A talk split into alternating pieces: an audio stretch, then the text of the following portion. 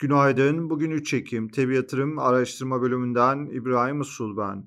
Yurt dışı borsalar üzerinde satış baskısının Ekim ayına başlarken de sürdüğünü görüyoruz. FED tarafındaki şahin beklentilerin resesyon endişelerinin olumsuz etkileri devam ediyor. Amerika ve Avrupa endekslerinde haftaya başlarken vadeli tarafta satışlar etkili. Çin piyasaları resmi tatil nedeniyle bu hafta kapalı. Hafta başında Güney Kore piyasaları da resmi tatil nedeniyle kapalı olacak. Asya tarafında diğer borsalara baktığımızda karışık bir seyir var. Japonya ve Hindistan borsaları yukarıda. Diğer borsalar genelde zayıf bir seyir izliyor. Ons altın fiyatında geçen hafta gördüğümüz toparlanma eğilimi yeni haftaya başlarken de devam ediyor. Teknik olarak ons fiyatında 1700-1750 dolar bandına doğru bir hareketlenme gözleniyor.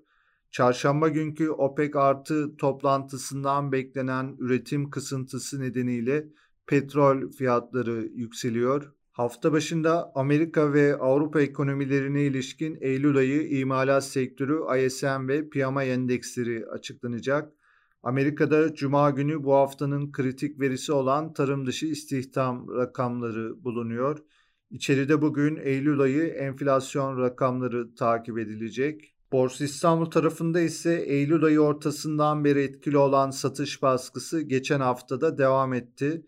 BIST endeksi haftayı haftalık bazda %3.09 değer kaybıyla kapadı. Yeni haftaya Borsa İstanbul'un teknik açıdan hafif yukarıda başlamasını bekliyoruz.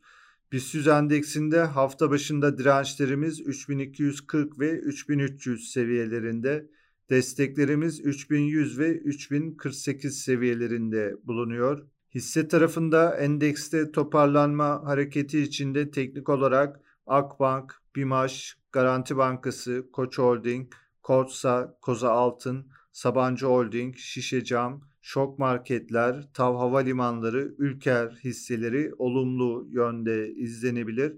Piyasaları değerlendirmeye devam edeceğiz. Tabi yatırım olarak herkese iyi bir gün dileriz.